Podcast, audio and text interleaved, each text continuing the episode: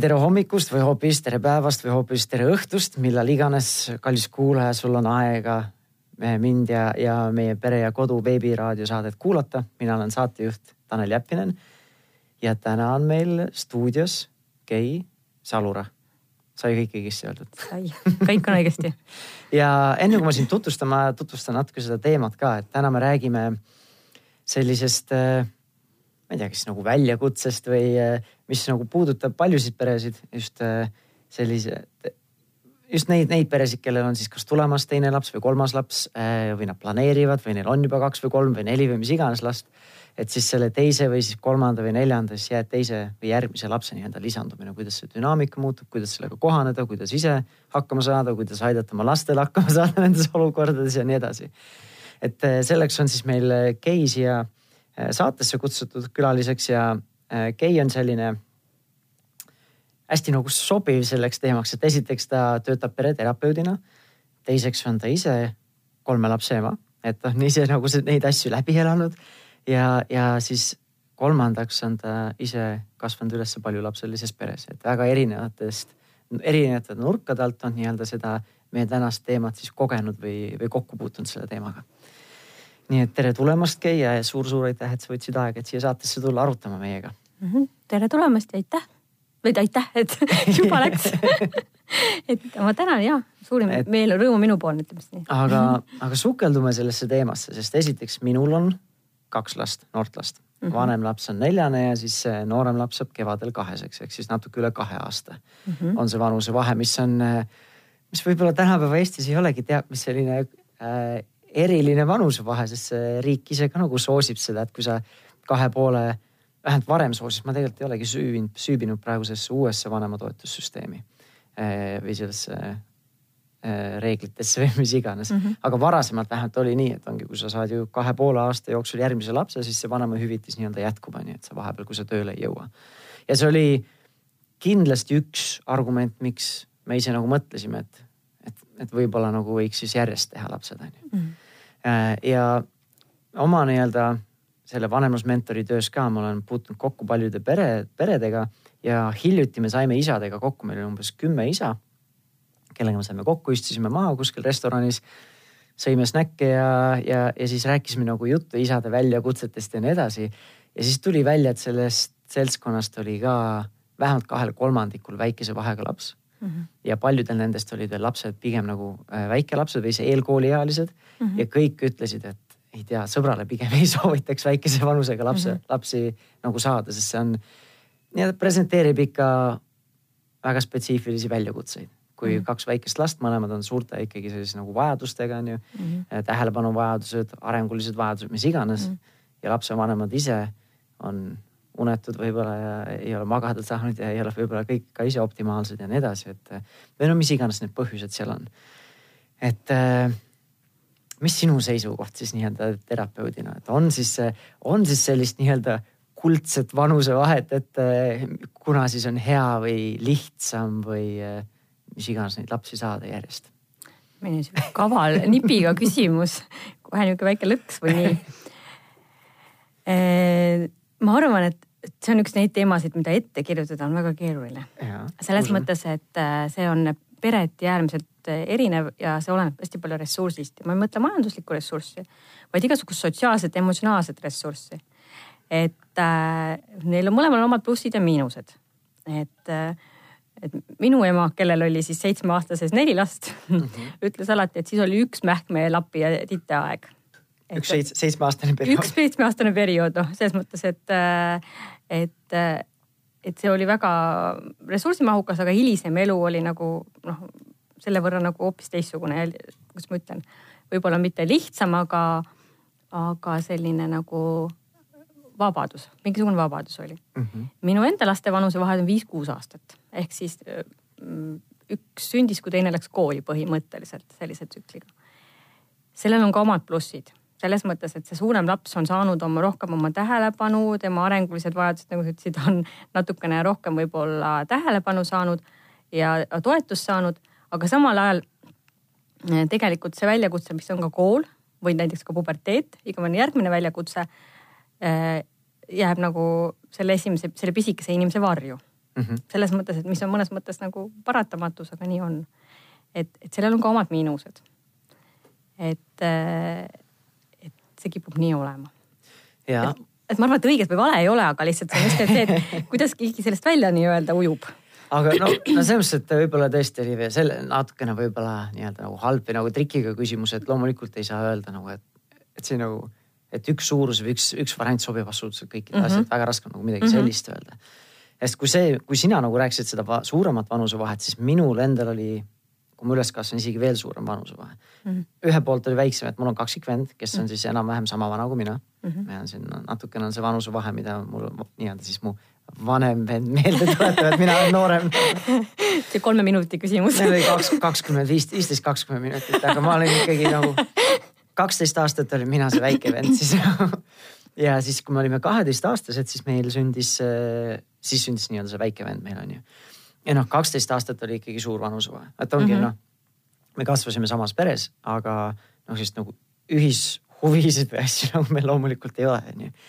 Mhm. ja no nüüd, kui sa rääkisid sellest, ma võib-olla nagu tunnen küll, et me nagu jäime vennaga mingitest asjadest nagu, ma ei tea, kas nagu ilma, aga nagu muutusid mingid asjad, me olime just sellises faasis nagu teismelised, hakkasime oma seda iseseisvust leidma, onju. ja siis ma nagu, kui ma tagasi mõtlen ja selle teema ettevalmistuseks ka mõtlesin tegelikult, siis ma tundsin küll, et, et võib-olla nagu meil oli nagu rohkem seda nii-öelda vaba kasvatust kui varem, et emal oli kogu see aja ja energiaressurss läks mm -hmm. nagu mhm. väiksele vennale ja siis võib-olla nii-öelda me, meid nii-öelda lasti rohkem nagu pikema nööri otsa, et saime mm -hmm. rohkem võib-olla siin-seal, eriti kui me teismelised oli mingi viisteist, kuusteist hakkasime väljas käima ja jõudsid hiljem koju, noh ja mm -hmm. no ei ole hullu mis iganes nagu mm, -hmm. et see kogu see energia läks nagu muudele asjadele, kui varem mm -hmm. olime nagu võib-olla meie nii-öelda siis selle adressaadid, kus see tähelepanu nagu jõudis või see energia mm -hmm. nagu aga et kui ei saa nagu öelda sellist ühtse, ühtset kuldset sellist vahemikku on ju, et aga räägiks võib-olla siis pikemalt lahti nii-öelda nagu professionaalina pereterapeudina, mis sina nagu oled näinud, mis on sellised nagu väljakutsed või siis ka plussid, äh, kui siis lastel on väikesed vanusevahed ja siis teiselt poolt ka, et kui näiteks suuremad vanusevahed on näiteks ongi viis-kuus aastat või, või rohkem mm. -hmm. vot seal on, sellel on kaks tahku et kui perega töötada, siis selle peale on ka hästi palju, see tasakaalu leidmine ongi see kõige keerulisem osa, ma arvan, et, et see on noh, kõikides peresuhetes üldse nii, aga et, et kas me räägime vanemate omavahelisest suhtest või me räägime õdede-vendade omavahelisest no, alustame vanemates, alustame vanemate, vanemate seisukohast kõigepealt siis nagu. et, et seal on kaks väga erinevat rakurssi, et miks need on noh, plussid ja miinused on mõlemal ja nad väga erinevad ja nagu sa isegi välja tõid, et õdede-vendade vanusevahe mängib ka nende omavahelises suhtes rolli, aga ka mhm. vanemate omavahelises suhtes et äh, vanemate omalise vahelise suhtega on selline lugu, et, et äh, ma arvan, et, et kui me räägime nendest isadest, kes maha istusid ja ütlesid, et, et on raske, siis äh, see on, ma arvan, et, et, et enamus inimesi minuga nõustub, kuigi siin propageeritakse, et vanemad on võrdsed ja kõik muud jutud, siis tegelikult enamasti traditsioonilise tausta poolest ema pühendub rohkem lapsele, see on mhm. loomulik ja selle võrra nende suhe isaga või selle mehega, siis seda nad peavad nende hoid, selle hoidmine vajab ajab aeg-ajalt ekstra pingutust mm. -hmm. nii. rohkem teadlikkust nagu just, isa poolt, sest. just ja ka naise enda poolt, et ta, et ma ütleks, et see oleks väga ühepoolne, sest et äh, vahel on ju see, et ma olen nende titede ja lappide ja kõigega nii õudselt hõivatud, et, et üks ei ole ressurssi, aga teine asi on see, et, et ressurss on võimalik ju planeerida et tegelikult on see nagu tehtav mm. -hmm toetudes sotsiaalsele võrgustikule, aga see vajab ka ema poolt teadlikkust nagu seda vastutuse andmist kellelegi teisele ja no see on nagu omaette rolli mm -hmm. küsimus. aga et äh, pinge ju tekibki see, et kui see vanusevahe on kaks pool aastat, siis ähm,, siis juhtub ju põhimõtteliselt see lihtsalt kogu see pingutus on nii-öelda venitatud. Et, äh, et kui ühe lapsega ela, nii-öelda elame üle selle esimesed kaks aastat, kui see laps nii-öelda kaela ei kanna ja ta väga hästi mm -hmm. hoida ei jää ja tal veel sõimekohta ei ole ja kõik sellised noh, igapäevaelulised asjad, siis tuleb ju teine kaks aastat otsa. see -hmm. pingutus on lihtsalt pikem. ja see nüüd oleneb selle paari enda ressursist, et kas nad, nende teadlikkus on piisav ja kas nad suudavad iseenda vahel, omavahel leida sellised viisid, et kui nad selle esimese, tegelikult on nii, et kui nad juba selle esimese nii-öelda pesa, pisikese lapse kõrvalt suudavad oma aega ja ressurssi planeerida niimoodi, et nad leiavad teineteise jaoks aega. siis ma ei näe et see kuidagi muutuks, kui need on kaks, välja arvatud juhul, kui ei teki äh, selle hoidmisega mingisuguseid raskusi, mis muidugi on võimalik, sest lapsed võivad olla väga erinevad mm. -hmm. sest kui me räägime praegu tervetest lastest, et siis on nagu, noh, siis on nagu game, ütleme nii mm. -hmm. et kui lastel on veel ka mingi omapära, siis on ju, siis võib olla keeruline neid kaheksa näiteks hoida jätta. et seal on see konks. aga et kui nad koos kasvavad, siis äh, see mõnes mõttes hõlbustab ka selles mõttes aia leidmist, et äh, kuna nende päevakavad on siis suhteliselt sarnased. kahe ja nelja-aastane magavad Mingist oma lõuna. võiksid jah, samas, samastuda natuke või sarnaseks ja, muutuda. just, et nad magavad lõunauinakut, ütleme nii-öelda vähemalt nii enam-vähem ühel ajal, eks ju, ühe, ühes kestvuses veel kahe-nelja-aastased. Et see pärast seda kriitilist nii-öelda kaheaastast esimest perioodi peaks nagu loogiliselt nagu mingid asjad hakkama loksuma. et, et jah, see on logistika ülesanne, ma olen nõus, teineteisele aja leidmine. aga kui see esimese lapse puhul töötab, siis on ka suurem tõenäosus, et ta ka kahe lapse puhul töötab mm. -hmm no nüüd võtame, kui läheb kolme, kolme lapsega, et nüüd me läheme mees mehele kaitsest, lähme nüüd tsoonikaitsest ja sport, sporditerminoloogias, et kaks-kolme vastu. et siis on dünaamika nagu muutub või ei muutu no see, eks see kindlasti oleneb sellest va vanuse, vanusevahest ka loomulikult jällegi. no meil ühel tuttaval näiteks kahe poole sees on kolm last kahe poole sees kolm, no see on väljakutse. no aga samas no, kaksikute ja kolmikute vanematel on ka väljakutse, sama väljakutse. või kas olgu siis nelja-aastases kolm või mis iganes, kui tehakse, mõtlesin, et tahaks kolm last, teeme kohe järjest ära. liigume edasi. mina arvan, et see kõige keerulisem koht on see, et äh, just nimelt see toetumine sotsiaalsele võrgustikule. et hästi oluline on see, et see paar ei jää üksi et äh, see on niisugune asi, noh, kui planeerida kolme, vot seal on vahe, kas nad juht, juhtub kolm või planeerida kolm. inim-, noh, elu, elud lähevad erinevalt. et kui planeerida kolm, siis selle peale peab kindlasti mõtlema ja ma arvan, et äh, on ka loomulik, et kui üks laps on sündinud, siis on ju kohe näha, et kus on see ressurss. et kas on see mhm. ressurss, äh, kes aitab toime tulla sest aeg on edasi läinud, meil ei ole enam sadat vanaema ja vanaemad käivad tööl ja. kes on valvel ja ootavad. ja just et aeg on läinud edasi ja, ja sellepärast ei ole sellist nii suurt sotsiaalset võrgustikku, et kui see võrgustik nagu on, toimib ühe lapse puhul, siis on, võib, saab võtta selle nii-öelda riski, et tuleb teine ja kolmas, et mul on kellelegi toetuda. ja ma ise tegelikult arvan, et inimene enamasti on äh, psühholoogiliselt nii tark. ma ei alahindaks inimest ennast oma ressursi hindamisel. et ainult majanduslikul kaalutlustel laste saamine, noh, seda juhtub, aga mm, kui sa näed, et sa ühega hakkama ei saa, siis see teise siia ilma toomine enamasti äh, kui see ei ole nii-öelda õnnetus või äh, mitte, mitte nagu planeeritud sündmus, siis see teise lapse siia ilma toomine on juba selle pealt, kas mul oli ressurssi selle esimese jaoks. ma, võib-olla ma olen idealist, aga mul on, või naiivne, aga mulle tundub, et enamasti siiski no, paistab. vähemalt nad arvavad. idealist, aga pigem on see, et alati neid asju on lihtsam tagantjärele vaadates ah, need väljakutsed olid juba esimesega olemas nagu.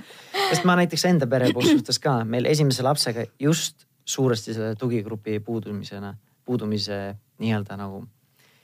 see oli nagu oluline faktor, mis kaasa mängis, see olnud peamine põhjus, aga mul naisel tekkis sünnitusjärgne depressioon mm. või selle ilmingud on ju.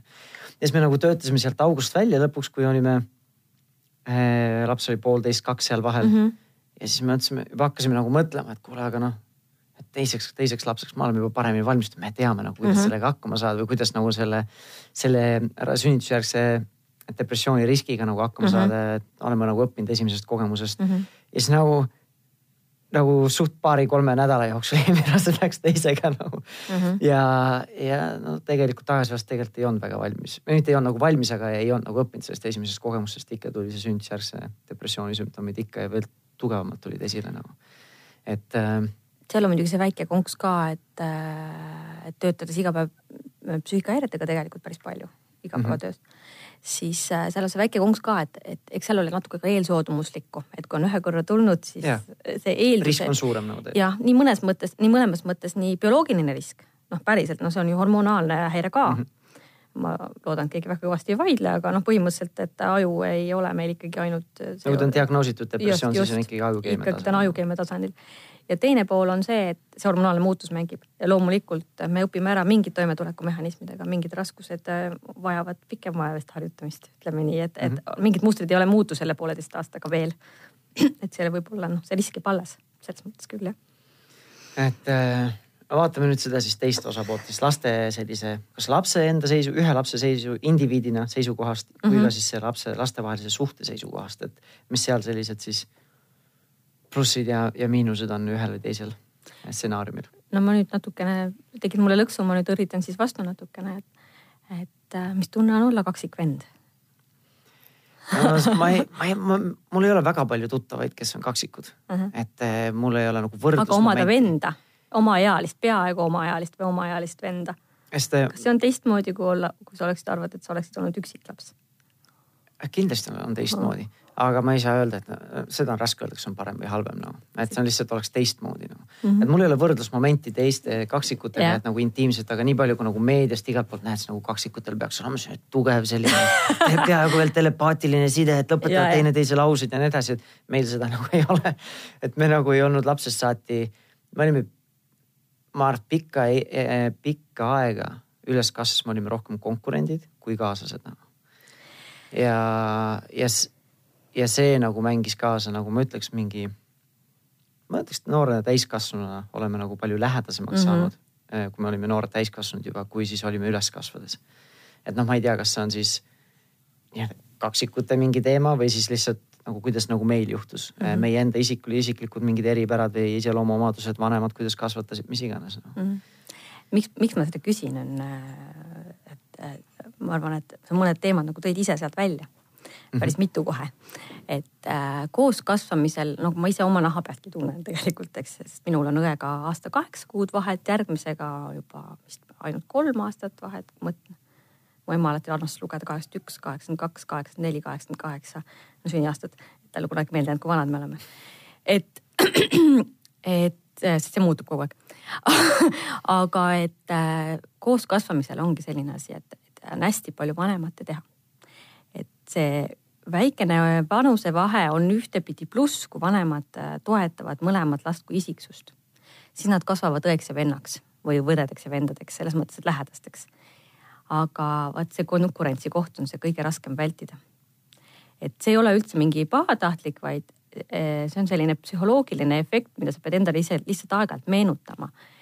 et suurem laps saab automaatselt kuidagi suureks, kui väiksem laps sünnib. Ja ta tegelikult ei ole seda.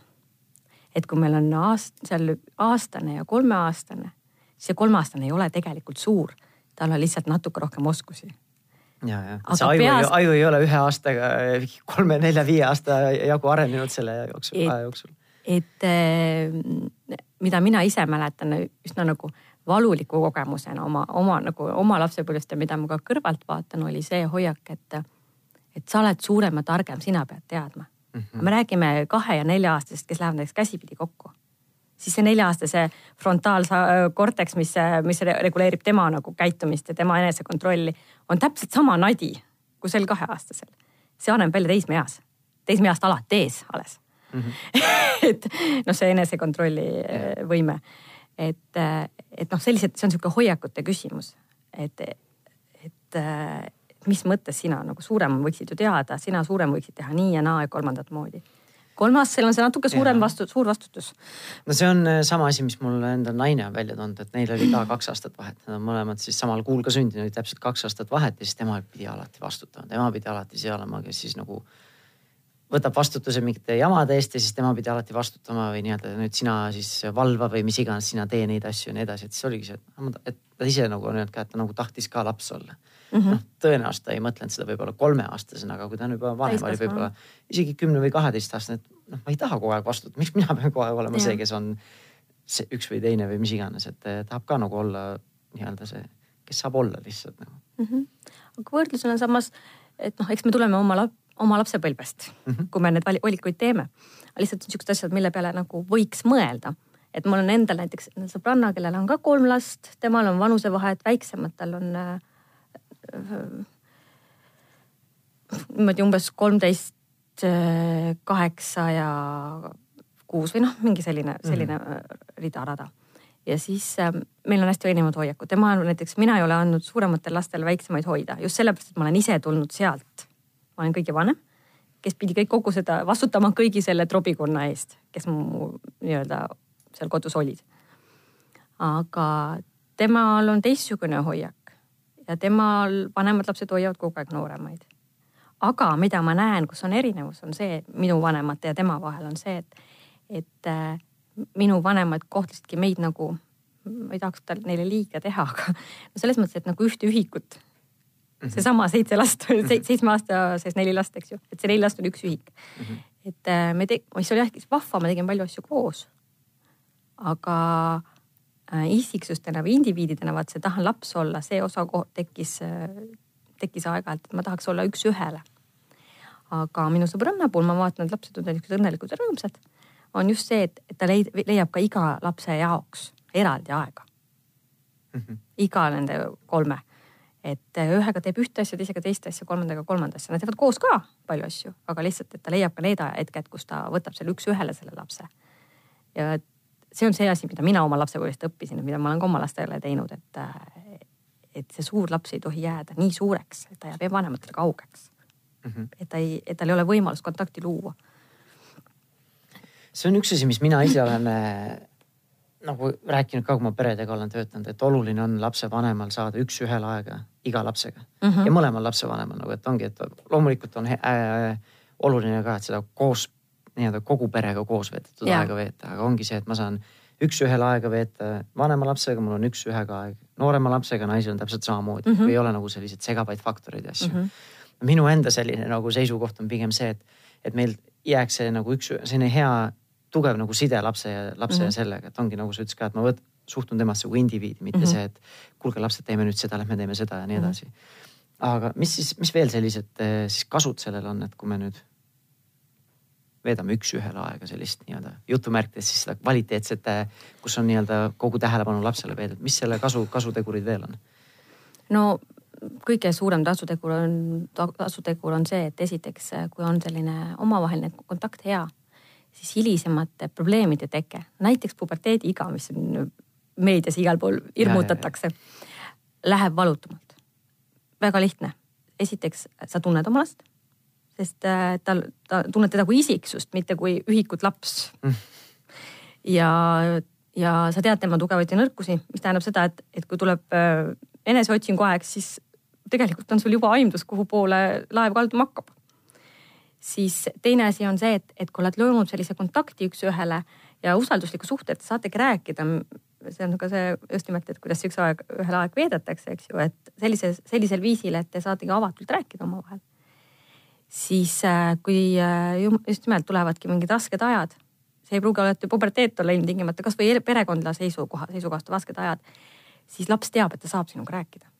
et see usaldus tekib nagu üks-ühele suhtes et on asju, millest lapsed ei taha rääkida teiste kuuldes ja kui, kui ta väiksena saab selle kogemuse, et tal on võimalus rääkida üks-ühele, siis see jätkub ka sellesse nii-öelda rasketesse aegadesse. see kontakt ei kao. Et see nagu aitab edaspidi toime tulla selle, nii lapsel kui iseendal selle olukorraga mm, -hmm. kui mingisugune keerulised olukorrad tekivad. sest elu ei ole ju meil niisugune sirgjooneline rada, et igast asju juhtub. et loo, aitab luua sellise vundamendi äh mis omakorda siis nagu aitab äh, sellised keerulisematest situatsioonidest ja perioodidest läbi tulla, et olgu ja. see siis mis iganes. kusjuures see on mõlemale kasulik selles mõttes, et, et äh, tihtipeale öeldakse, et oi, lapse pärast on vaja seda üks-ühele aega. ei ole. et, et see on natuke lühinägelik. Et tegelikult oma lapsega head kontakti omada, sa vähendad ka tulevikus omaenda probleemi riske sellesama lapsega Mm -hmm. selles mõttes, et see omavahelise suhte kvaliteeti mõjutab edaspidist toimetulekut kus iganes, teistes sotsiaalsetes situatsioonides koolis näiteks? no see ei peagi olema alati see nagu taktikaline, ma pean nüüd taktikalise kasu saama, nüüd kui ma loon nüüd seda suhet, siis mul on kümne aasta pärast lihtsam, aga kasvõi sellepärast, et see on nagu mitmeid uuringuid on näidanud ka, et sellised soojad, lähedased eh, suhted on väga otsene seos on nii-öelda üldse eluga rahulolu või õnnetundega, et ongi sa ise juba tunned seda soojust selles suhes suhtes oma lapsega, mitte see, et paganama jõmpsikas jälle ei kuula sõna nagu, et nagu aga neid pagana jõmsikas ei kuule sõnu tuleb ka rohkem, kui sa mõistad teda inimesena mm. -hmm. ja kui sul on kontakt parem, siis ka neid olukordi, kus sa niimoodi mõtled, tulebki vähem. Et see on mõnes mõttes niisugune mhm. loogiline ja, et ma ise ütlen ka, et mõni, nii mõnigi kord, et äh, meil ei ole vaja nagu taktikalisi lähenemisi, meil on lihtsalt paremat suhet või paremat sidet või kontakti vaja nagu mm. -hmm et ei ole vaja nagu, kuidas, ei ole vaja alati sellist parimat, paremat kolmesammulist taktikat, kuidas oma kannatlikkust hoida, et õhku lend-, mitte õhku lennata, vaid mõni, nii mõnigi kord päästab see, et sul endal soojem ja lähedasem suhe oma lapsega mm. -hmm. see ongi, oled ise tähelepanelikum ja proovid mõista teda rohkem ja nii edasi. et selline see on iseenesest jah. Aga siis plussi poole pealt räägime või nii-öelda nagu see on nagu väljakutse, et ongi, et lapsel on vaja seda individuaalset lähenemist, et tunneb, et ta on nii-öelda mm, -hmm. ma olen mina, mitte nagu meie on ju mm. -hmm. Äh, on veel mingid sellised asjad, mis sellised välja, mis võiksid olla väljakutsed äh, just lapse ja, või lastevahelise suhte vaatevinklist? ma mõtlesin just selle mm, olukorra peale, mida sa kirjeldasid oma kaksikvennaga, et tekkis see nii-öelda konkurents. et et see, see konkurents ja juba see, et, et sul on vanem vend, kuigi te olete kaksikud, see juba annab mingisuguse väikse pereterapeudile sellise väike mõtlemisaine, et kus on tekkinud selline hoiak mm. -hmm. et meil ei ole vennad, vaid meil on vanem vend. et noh, loomulikult mõnes mõttes on ikka hea tähtis olla ja suur olla, aga, aga keegi on seda rõhutanud. et mm. hakkab kohe, mina hakkaksin kohe sinnapoole vaatama, et kust see on tulnud. aga see mm -hmm. konkurentsi küsimus on nüüd selline asi, et see on tek-, see ongi see asi, mida, mis tekib vanemat hoiakust selles mõttes, et ja see ongi sama, et kui ei ole seda mina aega, et see võib täpselt sama asi olla, et kui kaksikud võetakse eriti sageli ühe ühikuna, sest nad on täpselt ühe vanus. ühesugused riided. ühesugused riided, ühesugused. võin nalja pärast lihtsalt, kui meil on aega ühe väikse vahepõikena, ma olen töötanud natuke aega lasteaias. noh, hädaolukord oli selline lasteaias ja ei olnud kasvatajat võtta ja ma olin siis mingi paar kuud lasteaias. sealt kaksikud poisid ja mina ütlesin, et emale, et tead, et ära too neid kogu aeg ühesuguste riietega, et ole hea, et pane erinevad T-särgid või erinevad sokid, et kui ma lapsega suhtlen, et ma tean, kummaga ma räägin, et ei tekiks seda olukorda, et ma saakski võtta neid isiksusena ja nad olid väga erinevad poisid oma loomu poolest. ja siis ema ütleb selle peale, ma ei saa seda ju teha, neil on ju kõik asjad ühesugused. ütlesin, et aga äkki teeks nii, et kui sa paned talle täna äh, mikihiirega särgi, siis teisele paned ninja kilpkonnaga, siis homme vahetad aa, nii saab küll jah et sihuke blond hetk on ju mm. -hmm. aga et nad on nii harjunud võtma neid äh, ühesugustena, et see on selles mõttes, sealt tekib see konkurents, et ma pean ju kuidagi pildile saama. ma pean olema vanem või mingil muul moel erilisem mm.. et, et see sama kehtib tegelikult ka väikse vanusevahe puhul. et see tähelepanu saamine või pildile saamise koht on see mm. -hmm. et, et nad tahavadki see hästi palju ongi koer sinna maetud, et ma võtan nüüd hetke sulle, ma võtan nüüd hetke sulle. ja, mis on kõige keerulisem, võtan veel elu, võtan veel hetke oma kallile abikaasale või mehele tahaks nagu iseendale ka vahepeal. ja, ja siis veel iseendale ka, et see on üks suur logistikaprojekt küll jah. ai kindlasti, kõik võtame kalendrid ette, hakkame nüüd graafikusse asju panema. kusjuures see ei ole üldse halb mõte. ei no see on see, mida me oleme pidanudki tegema, muidu nagu ei jõuagi neid asju tehtud nagu et ongi, et kui me kalendrisse ei pane seda, neid date night'e või kokkusaamisi, väljaminemisi, siis nagu need lihtsalt ei juhtu meie peres. no nii on. me üks päris mitu nädalat tagasi meil käis siin saates rääkimas ka üks neljalapselise pere, üks neljalapseline pere, Anep Paiud. Nendel on siis neli last ja nemad uh -huh. on, nemad nagu ütlevad, et lapsi tuleb saada paari kaupa. Neil on siis vist kaks, kaks-kolm aastat vahet ja siis on seal vahemaa suurem vahe, siis on jälle kaks last kahe-kolmeaastase vanusega uh. -huh. ja siis äh, noh, nemad on seda välja toonud ja siis eks see ole ikka nagu see üks nagu ootustest, kui meil on kas tulemas teise, vähi, väikse vanuse lapsega või me väikse vanusega lapsed või siis me planeerime või mis iganes uh, -huh. et siis ikkagi nagu loodetakse või oodatakse, et nad hakkavad koos mängima, et siis meil saab nagu, siis meil vanematel on natukene lihtsam, on ju. et see on, on see üldse see nagu õige ootus, et või on see natuke võib-olla selline, mina ei tea. et, et on lihtne nagu ise nagu kibestuda, kui seda võib-olla ei juhtu, sest eh, no meie laste vanuses, väiksem ei ole veel kaks. Nad ei, sagedasti ei mängi, aga viimastel kuudel on tulnud episoodiliselt selliseid väikeseid perioode, kus nad tegelikult mängivad omaette niimoodi, et täiesti meist eraldiseisvalt ja saavadki ise kahekesi väga vahvalt aega veeta, aga, aga see võib sõltuda äkki vist nagu lastest ka, et see ei ole alati nagu selline õige ootus või on no kindlasti sõltub see lastest selles mõttes, et eks loomused ole ju ka erinevad lastel, et nad alati, aga eks tegelikult, kui päris lapsi toetada, siis nad peaksid teineteisega nii-öelda harjuma ju. Mm -hmm.. noh, selles mõttes, et ükskõik millised Tahaks nende omapärad on, ei, noh, lapsed võivadki väga erinevad olla.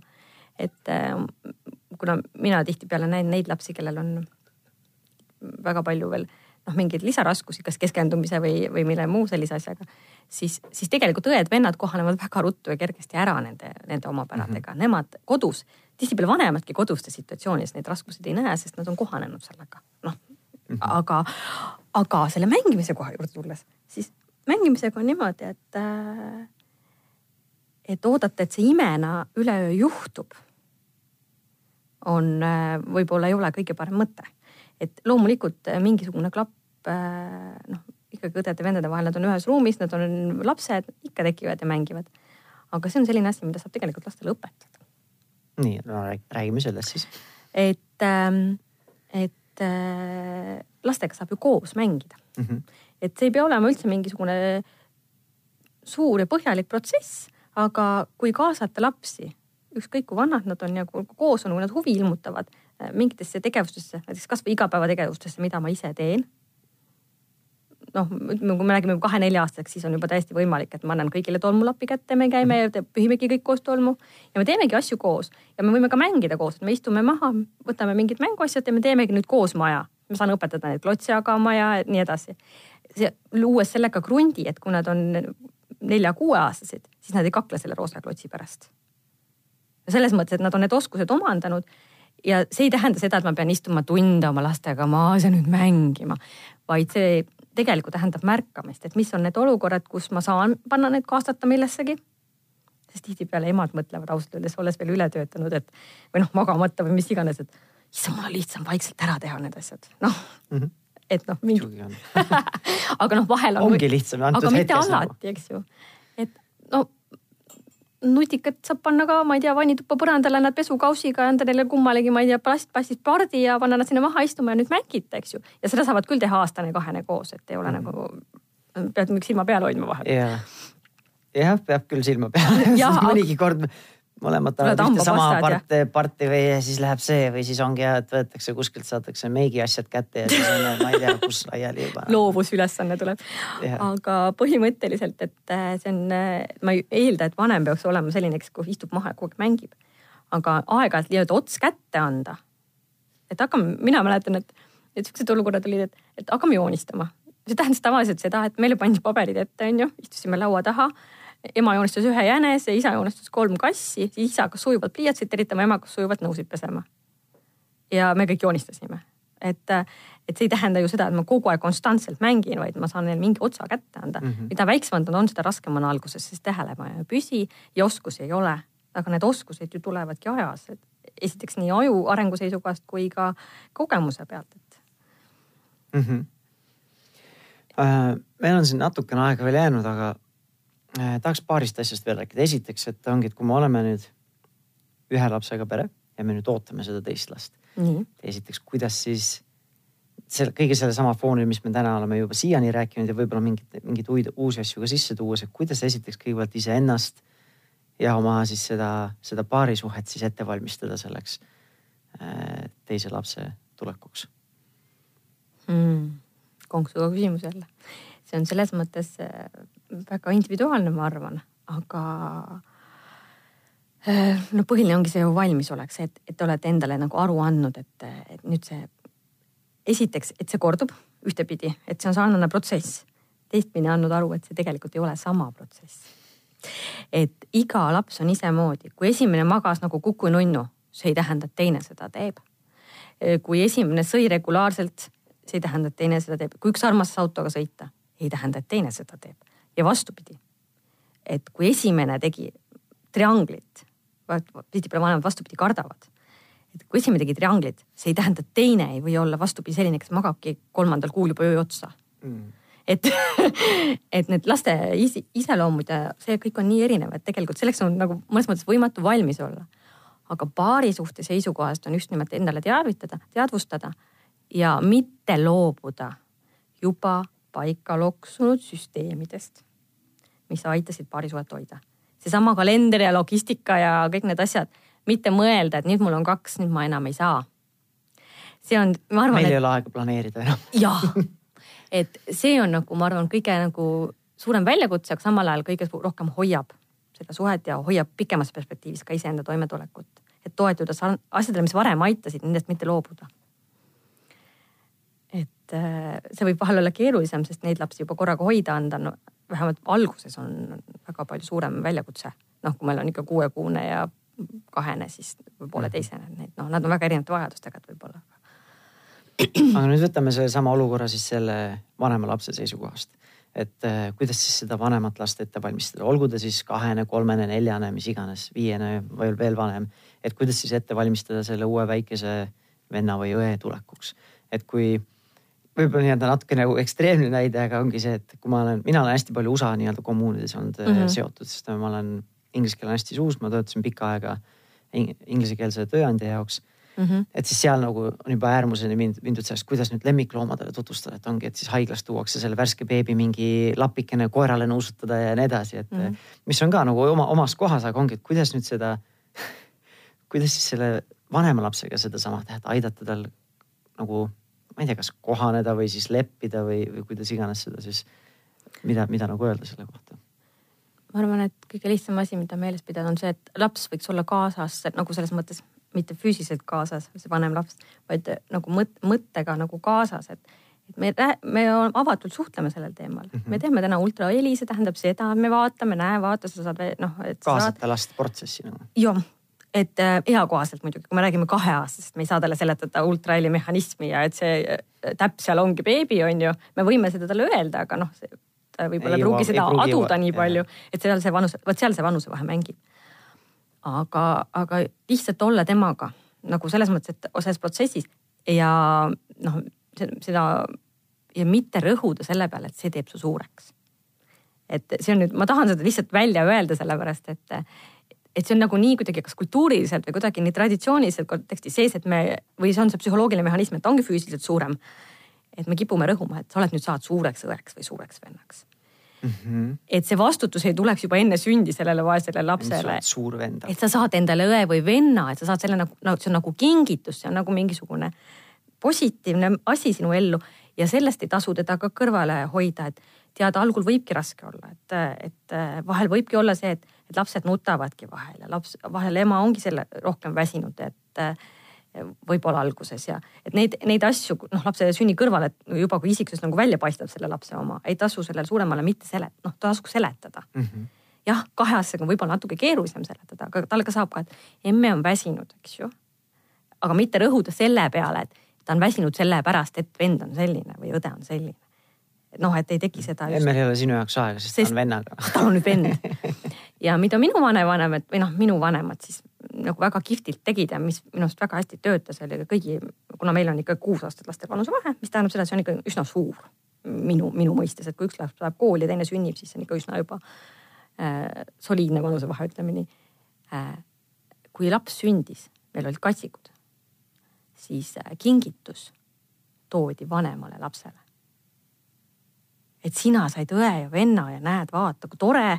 Ja et see on nagu umbes nagu, et väiksele õele pööratakse nagu nii tähelepanu.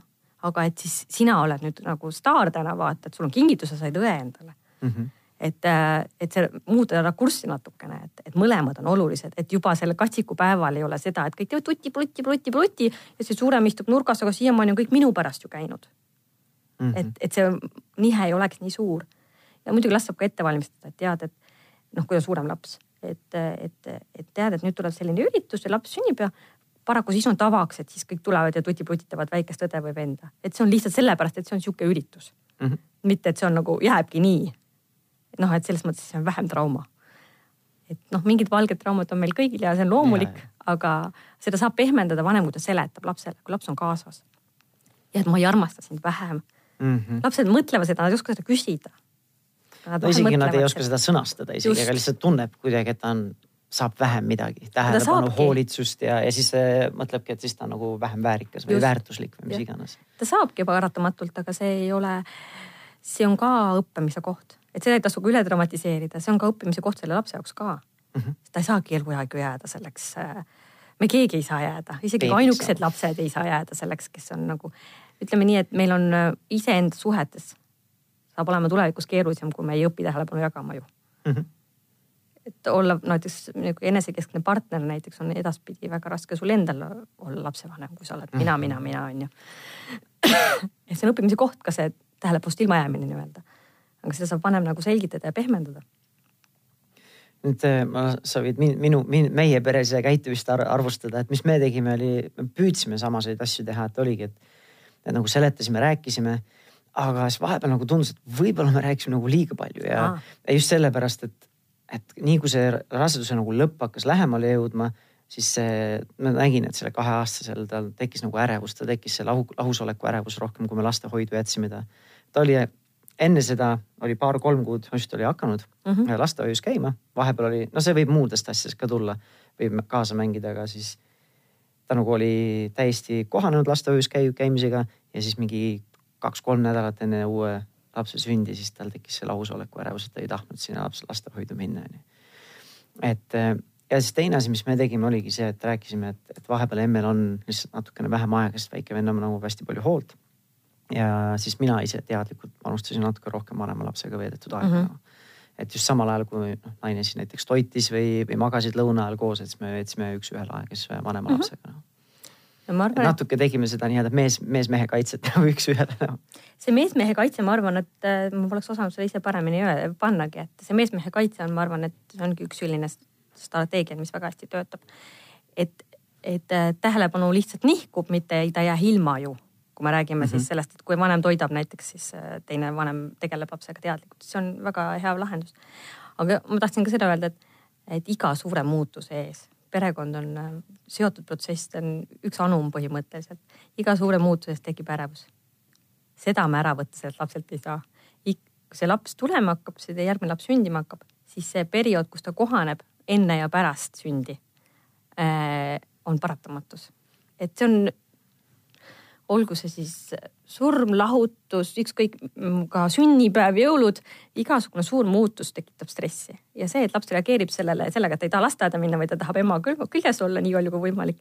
see paraku on loomulik mm. -hmm. see, sellega, selleks, see on üks asi, milleks võiks valmis olla no enne, enne kui me ära hakkame lõpetama, sest meil, meil hakkab aeg otsa saama, kas ma tahaks seda ka natuke rõhutada või nagu sinu arvamust küsida, sest äh, ma olen küll nagu märganud, et see kohanemisaeg on väga individuaalne uh -huh. ja mhm. võib nagu käia nagu lainetena, et nagu mhm. -huh. tundub, et ta nagu ära kohanenud ja siis mingil hetkel võib-olla siis see väike beebi hakkab juba kõndima või käputama ja uh -huh. hakkab tema asjadesse, vanema lapse uh -huh. asjadesse minema, et siis võib see uus nagu selline kohanemise asi tulla, et uh -huh. nagu ta ei taha jagada järsku ja et siis võib see, see nagu jälle pead tõsta, et uh. -huh. ja siis on jälle lihtne lapsevanemal muidugi hakata siin paugutama, et nagu enne sa olid nii hea ja kõik oli korras ja nüüd sa nüüd ei saa leppida väikse vennaga temaga koos olla, mis ja. sul viga on see, aga see on, ma arvan, et see on ükskõik millise vanuse vahe puhul, see on õeks ja vennaks kasvamise protsess. sest äh, kui vanusevahe on kaksteist aastat ja üks väiksem läheb ja hakkab, ma ei tea, sorteerima, hmm, ma ei tea, lapse kooli asjades näiteks, seal, kes on seal kümme, kaksteist, ega see nüüd valutumalt ei lähe kummalegi poolele. jah et eks seal ole samamoodi vaja seda reguleerida, et siin ei ole midagi teha äh,. väga põnev teema ja siit võiks äh, väga erinevatesse suundasse, suundadesse veel edasi minna, aga meil on tänase eetriaeg hakkab otsa saama, et on praegu midagi, mis sina tunned, Kei, et jäi kas liiga vähe, sai liiga vähe tähelepanu või sa tahaksid ise veel ekstra rõhutada, enne kui me nüüd siis otsad kokku tõmbame? või sai enamus olulised asjad öeldud sinu jaoks? et äh, võib-olla ma tahaksin seda rõhutada, et, äh, et ei tasu esiteks heituda sellest, et, äh, et see tundub niisugune keeruline logistika ülesanne. see nii see tähelepanu jagamine kui see aja leidmine, et, et ei tasu sellest heituda, et tegelikult on see just nimelt, see on selline planeerimisülesanne, et see võib, et ärge võtke sellist, ütleme nii, et pereelu ja armastust kui meeletut äh, sellist, peaks loomulikult kulgema protsessi mm. -hmm. ei, see on samasugune nagu mõnes mõttes ülesanne nagu meil kõik muud ülesandepüstitused. et sest ei tasuks heituda, et, et see planeerimine ei võta sellest midagi vähemaks, ei võta spontaansust ega armastust vähemaks. ja et see on üks müüt, mida ma hästi palju kuulen. ja teine müüt on, on see, et või teine asi on see, et katsuge, see on hästi raske, ma tean vahel, sest et see peas on see keeruline aga ärge unustage, et suur laps ei tähenda, et ta on suur. Et ükskõik kui suur tal on, tal on omad mured, omad asjad, mida ta tahab rääkida, et mille tähelepanu ta tahab, et ta ära ei unune. et kogu selles planeerimise virvarris ja selle väikse inimesega arvestamise virvarris arvestatakse siis ka selle suurema inimese virvarriga, et kui kaheteistaastane tahab teiega kinno minna, siis see on sama oluline kui see, et kui titt, see titt tahab jalutada mm. -hmm. väga vahva suur aitäh sulle, et sa, et sa tulid meiega siin lobisema ja oma, oma mõtteid jagama, et ma arvan, et siin on päris, päris palju mõtlemiskohti paljudele meile. Tänan kutsumast. ja, ja sulle ka kuulajad, kui, kui sa vahepeal nende podcast'i või veebiraadiosaadete vahel tahad nendel teemadel kursis olla, siis Delfi ja Pere ja Kodu veebiväljaanne ja Facebooki leht on selleks hea koht, kus tuleb nendel üldse lapse, laste kasvatusteemadel artikleid välja igapäevaselt ja, ja kui sa tahad rohkem kahepoolses suhtluses olla, siis äh, mina ise juhin ühte Facebooki gruppi Positiivne ja rahumeelne vanemus, kus, kuhu meid on kogunenud juba, juba üle kuue tuhande lapsevanema, kes siis toetavad teineteist ja on teineteisele justkui see, see küla, mida on vaja laste kasvatamiseks, et võid sellega ka vabalt liikuda, liituda. aga selleks korraks siis kõik ja kohtume siis juba järgmisel nädalal uues saates. nägemist. nägemist